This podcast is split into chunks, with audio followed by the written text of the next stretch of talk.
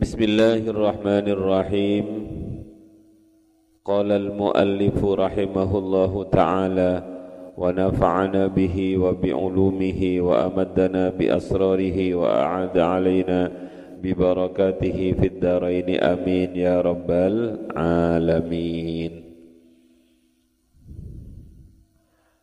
Terusannya kemarin seorang guru menyambut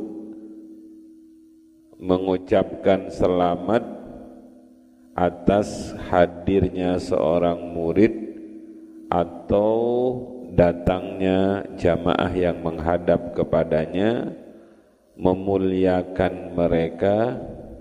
Idza jalasu itu ya. Wa yukrimuhum. Wa yukrima lan mulyaake sapa alim wa yukrima lan mulyaake sapa alim hum ing talabah. Idza jalasu nalaikani lungguh sapa talabah ilaihi marang alim atau syekh. Wa yu'nisa lan nyenengake sapa syekh hum ing talabah. Bisualihi kelawan naqoi bisu alihi kelawan naqoi alim oleh naqoi alim an ahwalihim an ahwalihim saking piro-piro keadaani tolabah. Wa ahwaliman lan keadaani wong ya ta'allaku kang berhubungan ya ta'allaku kang berhubungan bihim kelawan ya ta'allaku kang berhubungan sopoman bihim kalawan talabah. Ba'da raddi salamihim ing dalem sakwisine jawab salami talabah. Nanti kalau murid-murid kalian datang jamaah kalian datang bertamu kepada kalian kalian sapa mereka kalian muliakan mereka sebagaimana Nabi memuliakan para sahabat yang saya ceritakan kemarin itu. Kemudian kamu jangan jangan mahal-mahal untuk bertanya. Tanyakan keadaan mereka.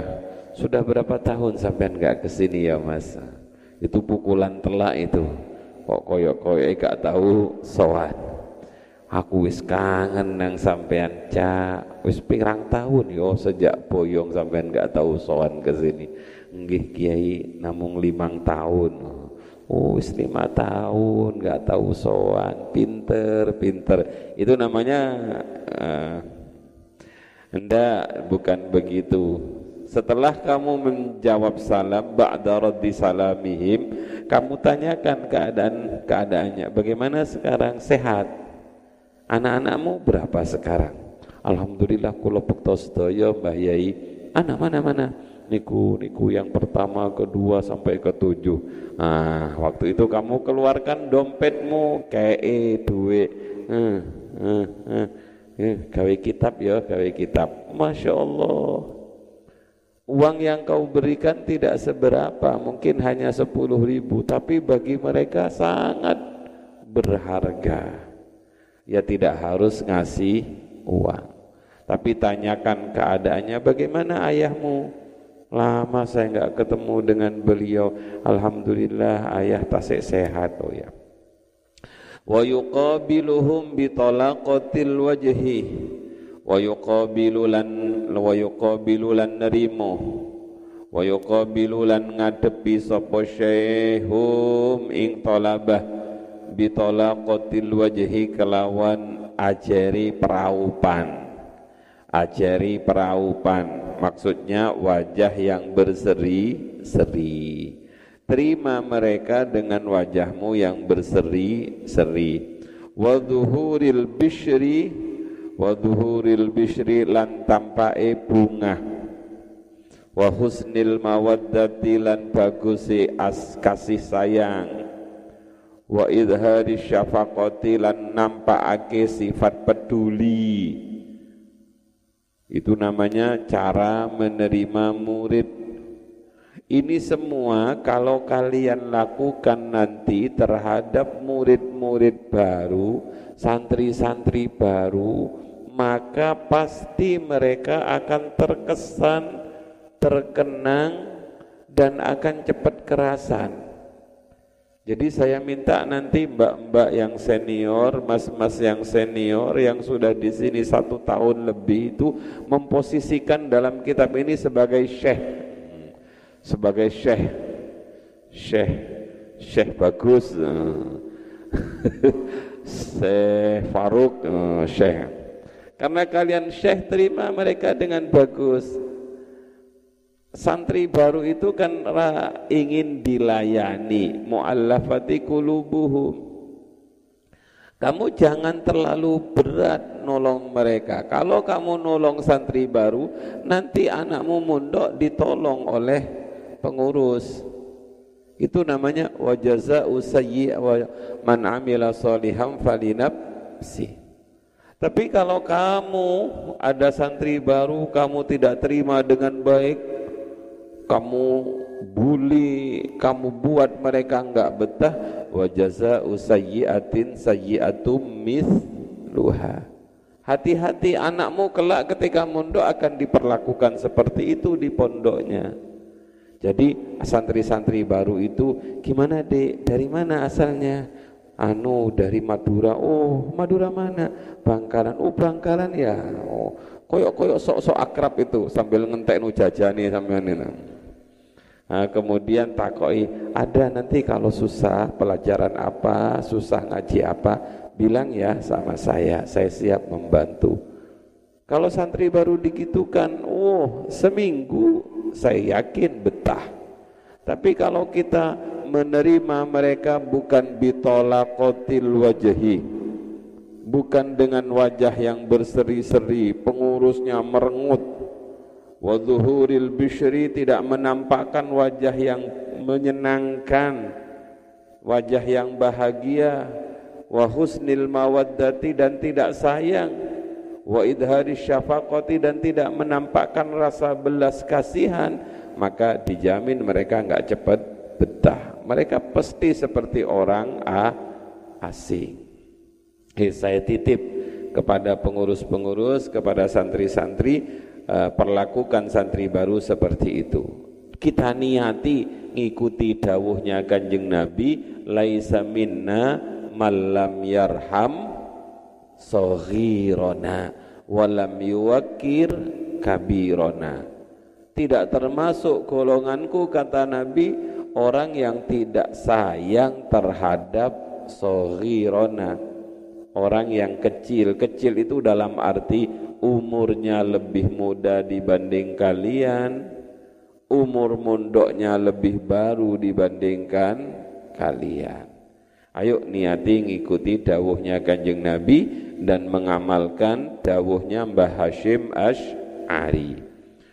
Wa yazidu lan nambahi sapa syekh fi dzalika ing dalem mengkunu mengkunu fi dzalika ing mendalem mengkunu mengkunu yukrimahum liman kedue wong yurja kang den arep-arep apa falahuhu? Bejoni man. Wa yadharu lan pertelo apa solahuhu kebagusan iman memuliakan murid yang duduk di depanmu dengan akhlak-akhlak tadi itu lebih-lebih pada murid mikmu matikan. Lebih-lebih pada murid di mana murid itu memiliki memiliki harapan yang lebih. Misalnya murid ini ke depannya kayak-kayaknya yang meneruskan pondok pesantren ayahnya. Ini kayaknya murid ini bisa diharapkan untuk menjadi penerusnya perjuangan para kiai. Karena kelihatan dia khusyuknya kelihatan kesungguhannya. Perlakuan lebih boleh diberikan kepada orang-orang yang sudah kelihatan menonjol. Wabil jumlati lan kelawan gemblengani. Kiai dulu maknai gemblengani. Apa ya? Secara global. Fahum mungko utawi tolabah uh, fahum utawi tolabah. Iku wasiatu Rasulillahi wasiati Rasulillahi sallallahu alaihi wasallam. Fima ing dalam perkara. Fima ing dalam perkara. Rawa kang riwayatake hu ing ma. Sapa Abu Sa'id sapa Abu Sa'id Abu Sa'id sapa Abu Sa'id Abu Sa'id Al-Khudri radhiyallahu anhu. Anhu saking Kanjeng Nabi sallallahu alaihi wasallam. Qala dawu sapa Kanjeng Nabi innan nasa sak temeni manungsa lakum marang sira kabeh iku tabaun anut. Karena semuanya ini didasarkan kepada wasiatnya kanjeng Nabi sebagaimana diriwayatkan oleh Abu Sa'id Al-Khudri radhiyallahu anhu kanjeng Nabi pernah dawuh innan nasa lakum tabaun Sesungguhnya manusia itu mengikut pada kalian. Sesungguhnya manusia itu mengikut kepada kalian.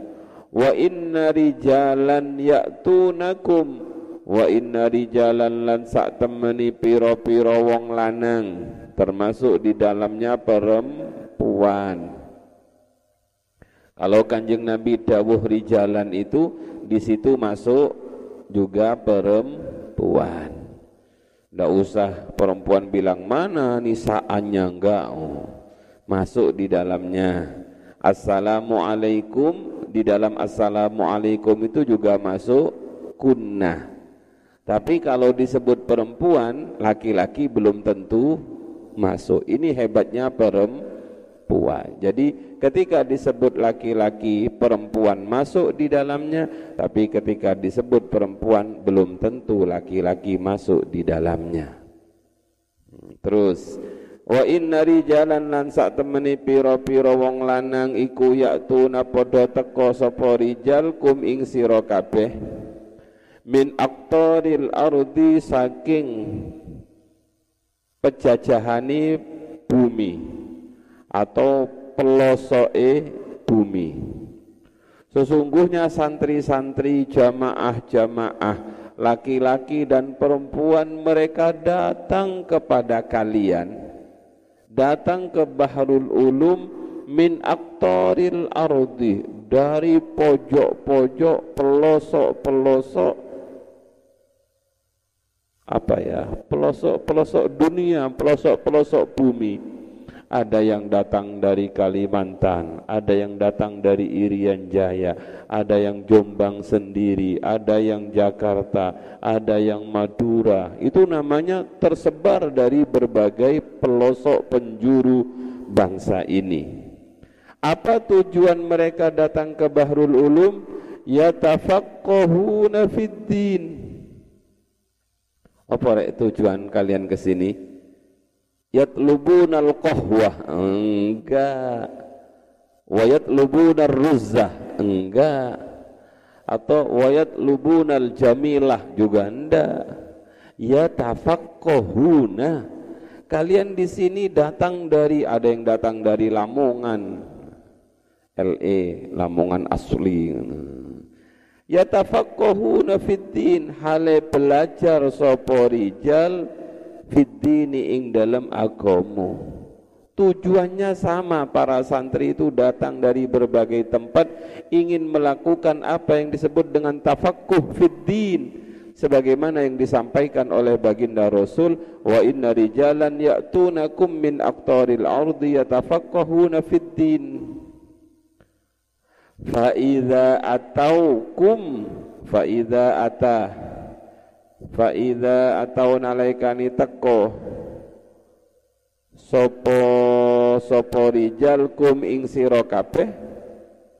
Apabila santri-santri jamaah-jamaah itu datang kepada kalian fastausu bihim khairan. Wasiatnya kanjeng Nabi kepada seorang guru seorang kiai seorang bunyai seorang mubalik fastausu mongko wasiato siro bihim kelawan rijal khairon ing bagus. Khairon ing bagus. Gak, usah dimak dimaknai bagus sekarang ganti api khairon ing api jadi kewajiban kita apabila ada orang yang datang ke rumah kita, ada orang yang datang ke majelis kita, ada orang yang datang ke kelas kita, ada orang yang datang ke pondok kita, yang mendatangkan mereka ke situ itu siapa? Saya tanya kepada kalian. Kalau nanti kalian punya majelis taklim, kalau kalian nanti punya madrasah, kalau kalian nanti punya TPQ, Syukur-syukur kalau kalian nanti punya pondok Santri yang datang ke rumah kalian Ke pondok kalian itu Siapa yang menggerakkan? Siapa? Allah Mereka datang secara otomatis Karena yang menggerakkan hati Yang menggerakkan pikiran Yang menata langkahnya itu adalah Allah Berarti mereka adalah amanat dari Allah subhanahu wa ta'ala Yang dititipkan kepada kita maka kata kanjeng Nabi bagaimana sikap mubalik itu? Bagaimana sikap sahibu majlis taklim itu? Bagaimana sikap guru itu? Bagaimana sikap pendidik ketika datang kepadanya orang-orang yang ingin tafakku fiddin Kata kanjeng Nabi Fastausu bihim khairan. Mereka dengan kebaikan Wasiati mereka dengan kebaikan, wasiati mereka dengan kebaikan. Jadi Kanjeng Nabi betul-betul bilang wasiat yang dipakai oleh Kanjeng Nabi itu adalah wasiat, kata-kata wasiat. Saking pentingnya apa yang keluar dari lisannya guru maka kualitas yang keluar itu adalah kualitas wasiat. Saya berwasiat kepada kamu Bil ambil jambu itu ya. Enggak enggak wasiat itu kalau hanya untuk ngurusi jambu. Bil saya wasiat kepadamu. Taruh buku itu di atas. Itu bukan wasiat. Wasiat itu adalah sesuatu yang nilainya sangat amat tinggi. Dan ditambahi dengan kata-kata khairan maka ini amanat terindah amanat terbaik dari Allah Subhanahu wa taala. Karena yang ngirim mereka adalah adalah Allah Subhanahu wa taala. Kewajiban kita mengikuti dawuhnya Kanjeng Nabi istausu bihim khairan Kenapa kita harus berwasiat kepada mereka dengan wasiat yang baik? Karena mereka datang dengan berbagai karakter karena mereka datang dengan berbagai latar belakang yang berbeda. Ada jamaah yang datang kepada kalian kelak, ada santri yang datang kepada kalian kelak itu di rumahnya sudah biasa misah misuh. Karena misah misuh itu menjadi segojangan. Wah, salah sedikit anaknya dipisui istrinya dipisui. Kadang-kadang anaknya juga misui bapak kenapa? karena di rumah itu kata-kata yang paling bagus sering terdengar adalah pisuan. Ada yang datang dengan model rumah tangga yang broken. Ada yang datang mereka sudah terpengaruh terpapar pergaulan dengan kawan-kawannya. Semua masuk di depan kalian. Maka kalian harus menjadi pewasiat. Eh, satu. Yang kedua, kalau kalian menjadi khotib. Coba ketika kalian menjadi khotib. Apa khutbah kalian? Usikum wa iyaya bitaqwallah waqad fazal muttaqun. Jadi kata-kata yang keluar dari lisan seorang khotib itu kata-kata wasiat. Maka dia mengatakan pada awal khutbah yang sangat singkat ini kami sebagai seorang khotib ya tahu kamu khotib masa kamu muadzin itu itu kan namanya kami selaku seorang khotib berwasiat kepada diri kami sendiri dan berwasiat juga kepada jamaah. Mari bersama-sama meningkatkan ketakwaan kepada Allah. Yang dipilih adalah kata-kata wasiat. Karena saking indah dan pentingnya wasiat. Bismillahirrahmanirrahim. Al-Babus Thamin. Bab yang kedelapan. Ini bab yang terakhir. InsyaAllah malam Sabtu lah paling lambat kita hatam. Setelah hatam InsyaAllah Abah ganti dengan kitab Tadhib. At-Tadhib. Uh, Mudah-mudahan diparingi sehat semuanya. Al-Babus Thamin utawi bab kang kedelapan. Fil adabi ing dalam adab etika ma'al kutubi sertani piro-piro kitab.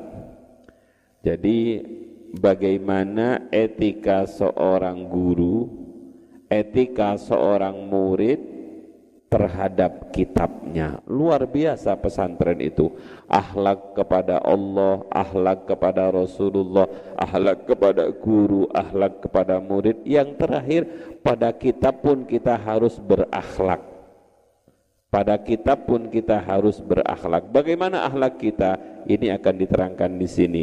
Allati kang hiya utawi allati iku alatul ilmi alate ilmu Sekar karena kitab itu adalah media alat untuk mencari ilmu. Wa malan perkara-perkara ya ta'allaku kang berhubungan apa ma bitakhsiliha kalawan ngasilake kutub wa wad'iha lan menaruh kutub nyeleh kutub. Bagaimana kitab itu disimpan ditaruh. Wa kitabatiha lan nulis kutub. Bagaimana cara nulis? Sembarangan apa? Kadang-kadang ono kitab sing digambar love. Ono waru ono panah ditulisin I love you ah katanya Mbah Hasim ya Allah kitabku ditulis I love you. Ya kadang-kadang sedang marah pada kawannya misuh ditulis di kitab. Panceni Wis misalnya semut. Yes, hati-hati bagaimana cara akhlak kita menulisi kitab. Wa fihi lan iku tetep ing dalam bab bab ke-8 ini satu anwa'in utawi limu piro-piro warno minal adabi saking piro-piro adab. Subbabnya ada lima.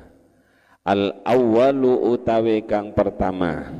Yang pertama adab kita terhadap kitab gimana yang bagi iku sayukjo seharusnya li talibil ilmi kedua wong kang nyari ilmu ayyataniya.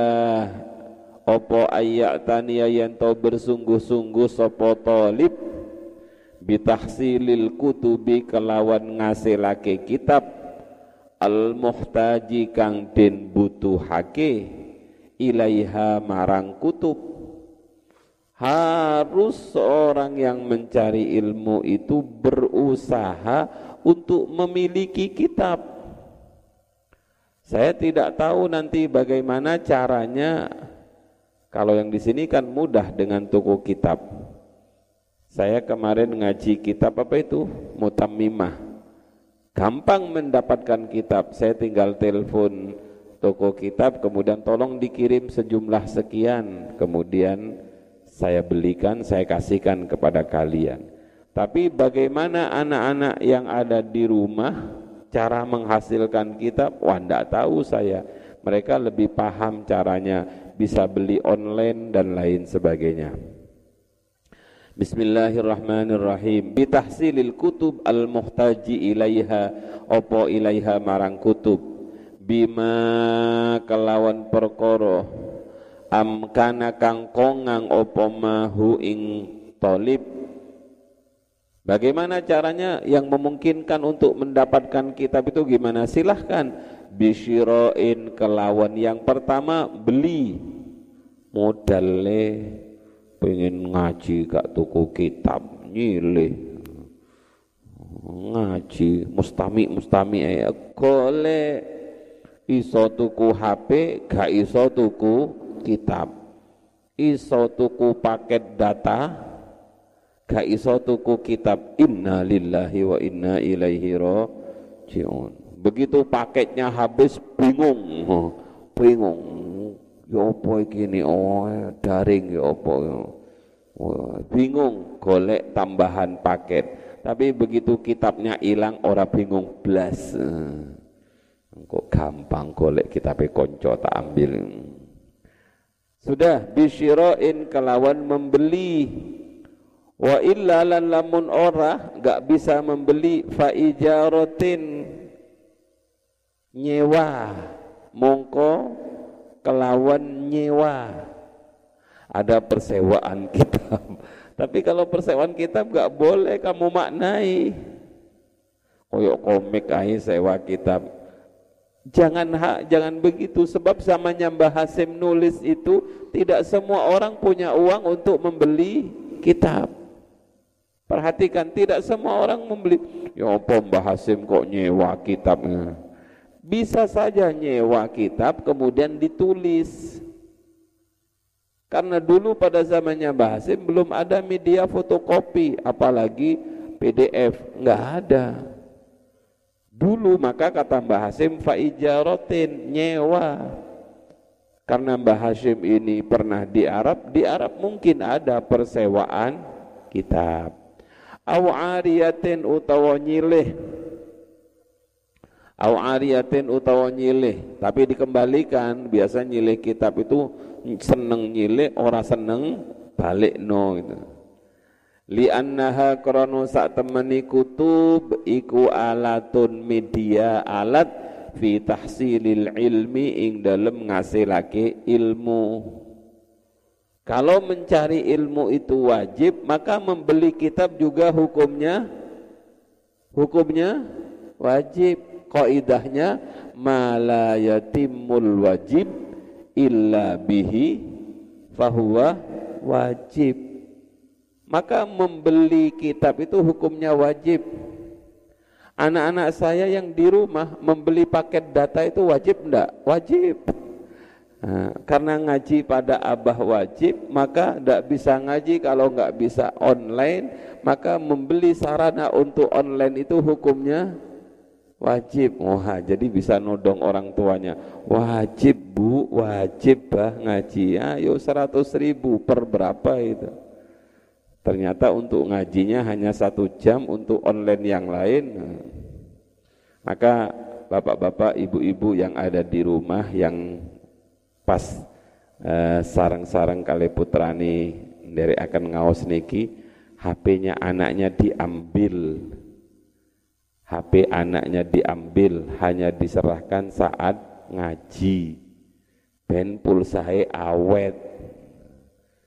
Boten pulsae awet boten namung niku tapi mangke eh, namanya anak penggunaan HP itu bisa untuk hal-hal yang kurang bermanfaat.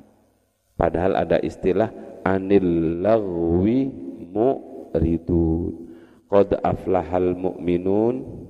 Salah satunya adalah anil lawi mu'ridun. Dari hal-hal yang tidak ada gunanya mereka berpaling. Atau dalam bahasa yang indah kanjeng Nabi dawuhnya begini nak. Min husni islamil mar'i tarkuhu ma'ala yaknihi orang Islam itu bagus tapi di antara yang bagus, yang baik dari keislaman seseorang itu apabila seorang muslim itu meninggalkan sesuatu yang tidak ada manfaatnya. Meninggalkan sesuatu yang tidak ada gunanya. Kenapa? Karena setiap waktu yang diberikan oleh Allah kepada kita pasti akan dimintai tanggung jawab.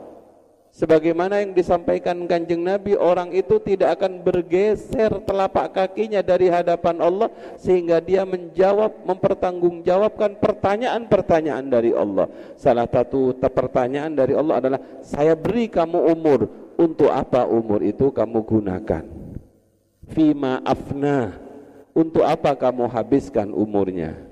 Saya kasih kamu waktu 24 jam dalam sehari, untuk apa kamu gunakan 24 jam itu? Masa 24 jam dikasih, dipanggil oleh Allah hayya ala sholat, jangan dikira yang manggil itu atau abil. Allah yang manggil itu hayya ala sholat. Si. Hayya ala falah. Taruh taruh kalau hayya ala sholah hayya alal falah. Lah makanya kulo nyun kepada para wali santri sekarang musimnya online onlinean sakniki musimipun streaming streamingan sakniki musimnya daring daringan bukan darling darlingan loh oh, aku pingin darling itu darling daring. Saat ini sekolah daring, kitab daring, bapak-bapak, ibu-ibu kedah paham jam berapa waktunya daringnya sekolah, jam berapa waktu daringnya pondok pesantren, jam berapa waktunya anak jenengan memakai HP untuk setoran pada kulo, pada anak-anak kulo, pada istri kulo. Selain dari itu, lebih bagus HP-nya diambil. Alasannya kersani pulsanya enggak boros. Biasanya nyepeng HP niku satu jam keroso nopo boten, enggak terasa biasanya. Maka alhamdulillah tanpa musyawarah ini namanya hak prerogatif pengasuh. Hak saya, terserah saya mau saya apakan karena kalian ini kalkolami bainal asobi. Kalian itu kan statusnya di depan saya seperti pen di tangan jari. Murid itu di depan guru seperti pen di jari-jari ini. Terserah jari-jari ini mau dibuat ini juga nggak apa-apa, mau ditaruh di sini kayak tukang itu juga nggak apa-apa. Jadi santri-santri yang datang itu bapak-bapak, ibu-ibu yang ada di rumah tengeriki hanya kulo perkenankan buka HP-nya waktu daring. Setelah itu HP-nya dikasihkan ke pengurus, mangke waktu daring diambil lagi. Kenapa? Biar anak-anak saya fokus. Fokus apa? Fokus ngaji, fokus sholat, fokus olahraga, fokus golek keringat. Nah, sebab ini biasanya melalaikan. Eh sudah, malayatimul wajib illa bihi fahuwa wajib. Bagaimana caranya caranya memiliki kitab satu dengan membeli dua dengan menyewa tiga dengan jalan meminjam. Tapi menurut saya beli beli. Beli beli beli gitu loh kan ada namanya beli beli beli gitu beli. Jangan nyewa jangan minjem. Li'annaha karena sekarang insya Allah semua orang sudah mampu membeli kitab li'annaha alatun fi tahsilil ilmi karena kitab itu adalah alat untuk menghasilkan ilmu. Wala yaj'alulan orang ake sapa talib tahsilaha ing kutub wa taha lan ngakeh-ngakehake kutub orang ake haddahu ing bagiani talib minal ilmi saking ilmu wajam aha lan ngumpulake atau ngoleksi kutub nasibahu ing bagiani tolib minal fahmi saking pemahaman.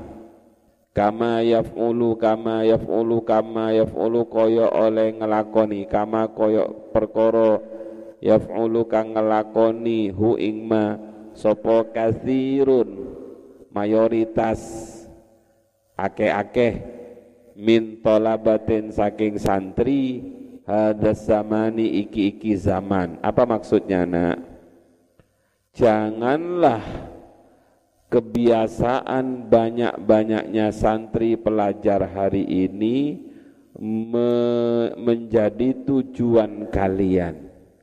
Apa maksudnya?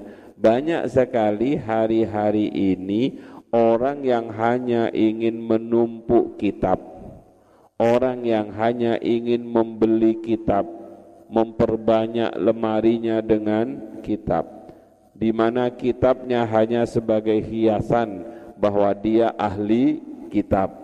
Sehingga dia dipanggil ya ahlal kitab. Oh lemarinya penuh dengan kitab tapi semua kitab mulai pojok kanan sampai pojok kiri nggak pernah disentuh hanya sebagai perhiasan ini namanya santri aksesoris jadi kitabnya hanya sebagai aksesoris rumah tidak pernah dibaca kata Mbah Hasim Jangan seperti itu. Sempatkan membaca kitab yang kalian beli. Jangan hanya menjadi kolektor kitab. Apa bedanya kita dengan penjual kitab itu? Ini ake-akean ngono yo akean baladewa itu. Mupairo kitab itu muter berbagai Kampel sampean itu, piro kitabe. Bina ilmu piro kitabe kalah kita. Tapi kalian beli kitab dan dibuka. Syukur-syukur hatam. Ya enggak hatam, yang penting pernah dibuka. Itu akan menjadi saksi. Setelah dibuka kamu cium. Wah, nanti di akhirat dia akan menjadi saksi bahwa saya pernah dicium dulu gitu. Bismillahirrahmanirrahim. Terus Mas. Wa ma ahsan. Uh, wa ma utawi apa swiji iku ahsanu gawa oleh bagusake apa ma qaula ba'dihim ing ucapani sebagiani ulama. Idza lam takun hafizan wa'iyan fajam'uka lil kutubi la yanfa'u. Idza lam takun nalaikani ora ono sapa sira iku hafidhon hafal wa'iyan tur paham. Fajam'uka mongko utawi oleh ngumpulake sira. Lil kutubi marang kitab piro-piro kitab iku la yanfa'u ora faham iku la yanfa'u ora manfaat. Opo jam'uka jadi apabila kamu tidak memahami kitab itu, jangan-jangan juga enggak paham apa yang ada di dalam kitab itu. Mau sekedar beli pokok wapi kulitire, oh, oh kalau dipasang di lemari asik itu. Peli, enggak tahu isinya apa. Paling tidak kamu baca mukaddimahnya, baca daftar isinya. Yes kalau kamu hanya sekedar mengumpulkan kitab-kitab tapi engkau tidak apal, tidak paham, tidak ngerti dengan kitab itu, maka mengumpulkan kitab-kitab seperti ini tidak ada manfaatnya. Ngepek-ngepei, nggon. Memperbanyak, menghabiskan tempat. Dan naudzubillah malah takut seperti yang ada dalam Al-Qur'an dalam Al-Qur'an kama salil himari yahmilu asfaro. Seperti himar yahmilu yang memuat asfaro kitab-kitab kuning. Karena dulu ngangkut kitab dari satu tempat ke tempat yang lain itu ditaruh di punggungnya himar dan kamu jangan pernah bertanya pada himar, ya himar, apa yang kau bawa? Kitab Nahu, gimana isinya? Ah, paham. Jangan seperti itu, katanya Mbah Hashim. Atantiku bil jahli fi majlisin wa ilmuka fil baiti mustaudi. Atantantiku ono to ngucap sira bil jahli kelawan bodoh fi majlisin ing dalam majlis wa ilmu kahale utawi ilmu sira iku fil baiti ing dalem omah. Daun den titipake. Kalau ada di majelis di kelas kita nggak bisa ngomong. Kenapa? Karena kita nggak menguasai kitab. Kenapa? Karena ilmu kita ketinggalan di rumah di dalam kitab. Maka ada istilah kitab itu sebagai alat katanya Mbah Hasim untuk menghasilkan ilmu. Ilmu itu yang sebenarnya ada di mana? Al ilmu fis sudur la fis sutur. Bukan di dalam tulisan karena tulisan bisa lapuh hilang buku bisa hilang. Bismillahirrahmanirrahim wa idza amkana lan nalaikani kongang. Memungkinkan opo tahsiluha ngasilake kutub bisyirain kelawan membeli lam yastaghil mungko ora nyibu ora sibuk. Uh, sapa talib binaskhiha kelawan oleh nyalin kutub kalau memungkinkan membeli-beli sebab biar waktunya tidak habis untuk nyalin karena dulu tidak ada foto kopi jadi ngopinya disalin dan guru saya itu dulu punya pekerjaan di Mekah itu di Madinah punya pekerjaan sebagai tukang salin kitab. Jadi untuk menghidupi untuk menghidupi kesehariannya guru kami itu menerima salinan-salinan kitab. Jadi ada santri, ada pelajar yang nggak punya kitab disalinkan, disalinkan, dituliskan, lalu dibayar. Pekerjaannya nyalinkan kitab. Lo nulis kitab itu sudah separuh dari fa faham. Jadi menulis kitab itu adalah separuh dari faham, tapi waktunya habis nanti kalau seperti itu. Maka kata Mbah Hashim, kalau memungkinkan beli, beli biar waktunya tidak habis untuk nulis. Wala yang lan orah sayukjo opo ayyashtaghila yento ketungkul sopo tolib bidawa min nashi kelawan langgengi nyalin illa kecopo fima ing dalam perkara ya ta'azzaru kang angil. Opo tahsiluhu ngasilake man ngasilake ma? Li adami samanihi krono ora anani regani ma. Au ijara au ij, au ujrati istinsakhihi atau ongkos amrih nyalin ma kecuali pada sesuatu yang enggak mungkin kamu dapatkan kecuali dengan menyalin maka silahkan menulis kata Mbah Hashim.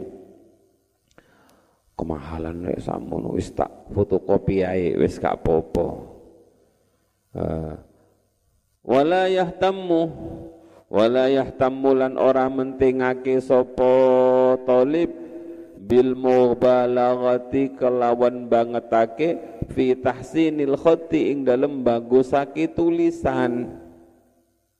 Wa inna ma yahtammu angin pastini penting mentingake sapa talib bitashihi kelawan nashih kelawan nashih ake khot jadi khot itu yang paling penting bukan lingkaran bentuknya, apinya, tapi yang paling penting dari khot itu adalah benarnya. Buat apa tulisannya bagus tapi kalau sah salah. Maka ada di kita itu pelajaran imla, pelajaran khot. Apa gunanya? Bukan hanya memperindah tulisan tapi menjadikan tulisan itu ben benar. Wala yasta'iru lan ora nyilih sapa talib kitaban ing kitab. Ma'a imkani syira'ihi asertani kongangi numbas kitab. Au ijaratihi utawa nyewa kitab utawa nyewa kitab. Jangan meminjam sebisa mungkin. Saya ulangi jangan pernah meminjam kitab sebisa mungkin. Kalau kalian masih mampu apa? Membelinya. Maka kalau kamu punya koncomu melihat misalnya Mas Hasan wapi bah kitabnya bilik-bilik rumah tangga Rasulullah tak nyilih nang perpus hmm. ojo nyilih nang perpus Kenapa? Harus dikembalikan. Dan begitu kitab kamu kembalikan, ilmunya juga ba balik. Maka kalau kamu menemukan kitab, kadang-kadang anak-anakku nanti kalau musim pandemi sudah usai atau kita sudah terbiasa dengan gaya hidup berdampingan dengan COVID, Corona, kalau kamu pergi ke perpustakaan menemukan judul kitab bagus, wah, Misalnya saya pernah menemukan tulisan Dumughut Taibat air mata taubat. Air mata penyesalan bagi seorang perempuan bagi para perempuan. Kok cek wapi? Eh, foto nak. Foto ceklek. Nah, habis itu golek online. Nah, di mana bisa membeli kitab ini kamu ke perpustakaan silahkan kamu baca kitab-kitab di perpustakaan. Setelah kamu menemukan kitab yang bagus, catat judul kitabnya, catat penulisnya. Habis itu kamu bel beli. Insya Allah nggak akan fakir gara-gara membeli kitab. Ojo kalah sekarang. Sayang ya sekarang itu. Saya seneng sekarang. Rata-rata statusnya. Eh, statusnya orang itu hari ini apa? Ayo tanya-tanya, mas-mas, mbak-mbak, apa statusnya orang-orang sekarang itu? Baju. oh, guys, bagus sekali pilihan warnanya. Japri saya kalau ingin membeli. Oh. Ini sandalnya baru datang ini. Begitu kan? Oh, ini kopiah, oh, kopiah ini serban Yaman, ini kopiah Yaman. Jarang yang ini kitab baru gitu. Ya, jarang ya. Ah, itulah menunjukkan bahwa di kita itu masih lebih senang baju dibandingkan kitab. Kira-kira kalau ada status yang status kitab ada yang tanya enggak? Enggak paling. Oh, sekarang rata-rata sudahlah kita akui. Rata-rata sekarang status-statusnya orang itu jualan kalau enggak pakaian makanan. Karena apa? karena memang kita itu lebih senang dengan keduanya itu. Saya ngomong seperti ini kayak ditempiling oleh dua guru saya. Atau iya dua guru saya. Pertama Habib Hadi dari Pasuruan yang ngisi Maulid Nabi pertama kali di sini. Dengan Habib Alwi uh, guru saya uh, yang saya senangi uh, di mana itu? Di Solo. Apa saya dikirimi? Akhil Karim kalau butuh kitab ini bisa hubungi saya statusnya kitab. Ini kitab doa-doa Habib Umar Yaman. Ini tulisannya Habib Umar ini tulisannya Habib Abu Bakar Adani ini tulisannya ini. Wah bagus sekali. Nah, makanya kemarin sudah tak suruh Cak Burhan untuk ngeprint. Nanti saya pilihi mana yang bagus nanti ingin kita beli Ayo sekarang mulai beralih dari konsumsi konsumsi yang bersifat ah, bajumu sing penting eh, piro piro. Baju butuhnya berapa sih kamu di pondok? Berapa sih ketentuan baju dulu itu? Empat paling ya lima kamu cukuplah punya baju sarung baju lima, sarung lima, kopiah dua, sandal gak punya gitu. karena pakai banci anto sudah cukup itu cukup cukup. Kalau mau dibeli tambahan silahkan.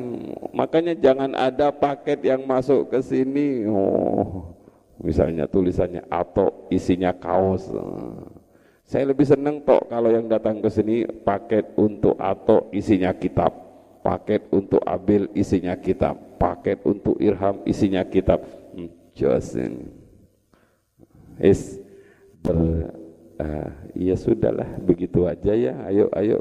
Kalau ada kitab bagus tuh segera tuku online. Tapi kalau ada baju tahan. Ini butuh hendak saya?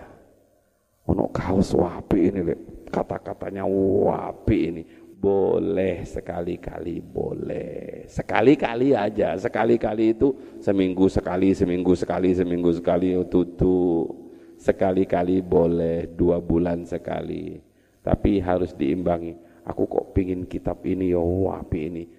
Eh, doa-doanya Habib Umar fikih menurut Habib Umar. Tuku wone koyok ngono itu. Abahmu pasti seneng.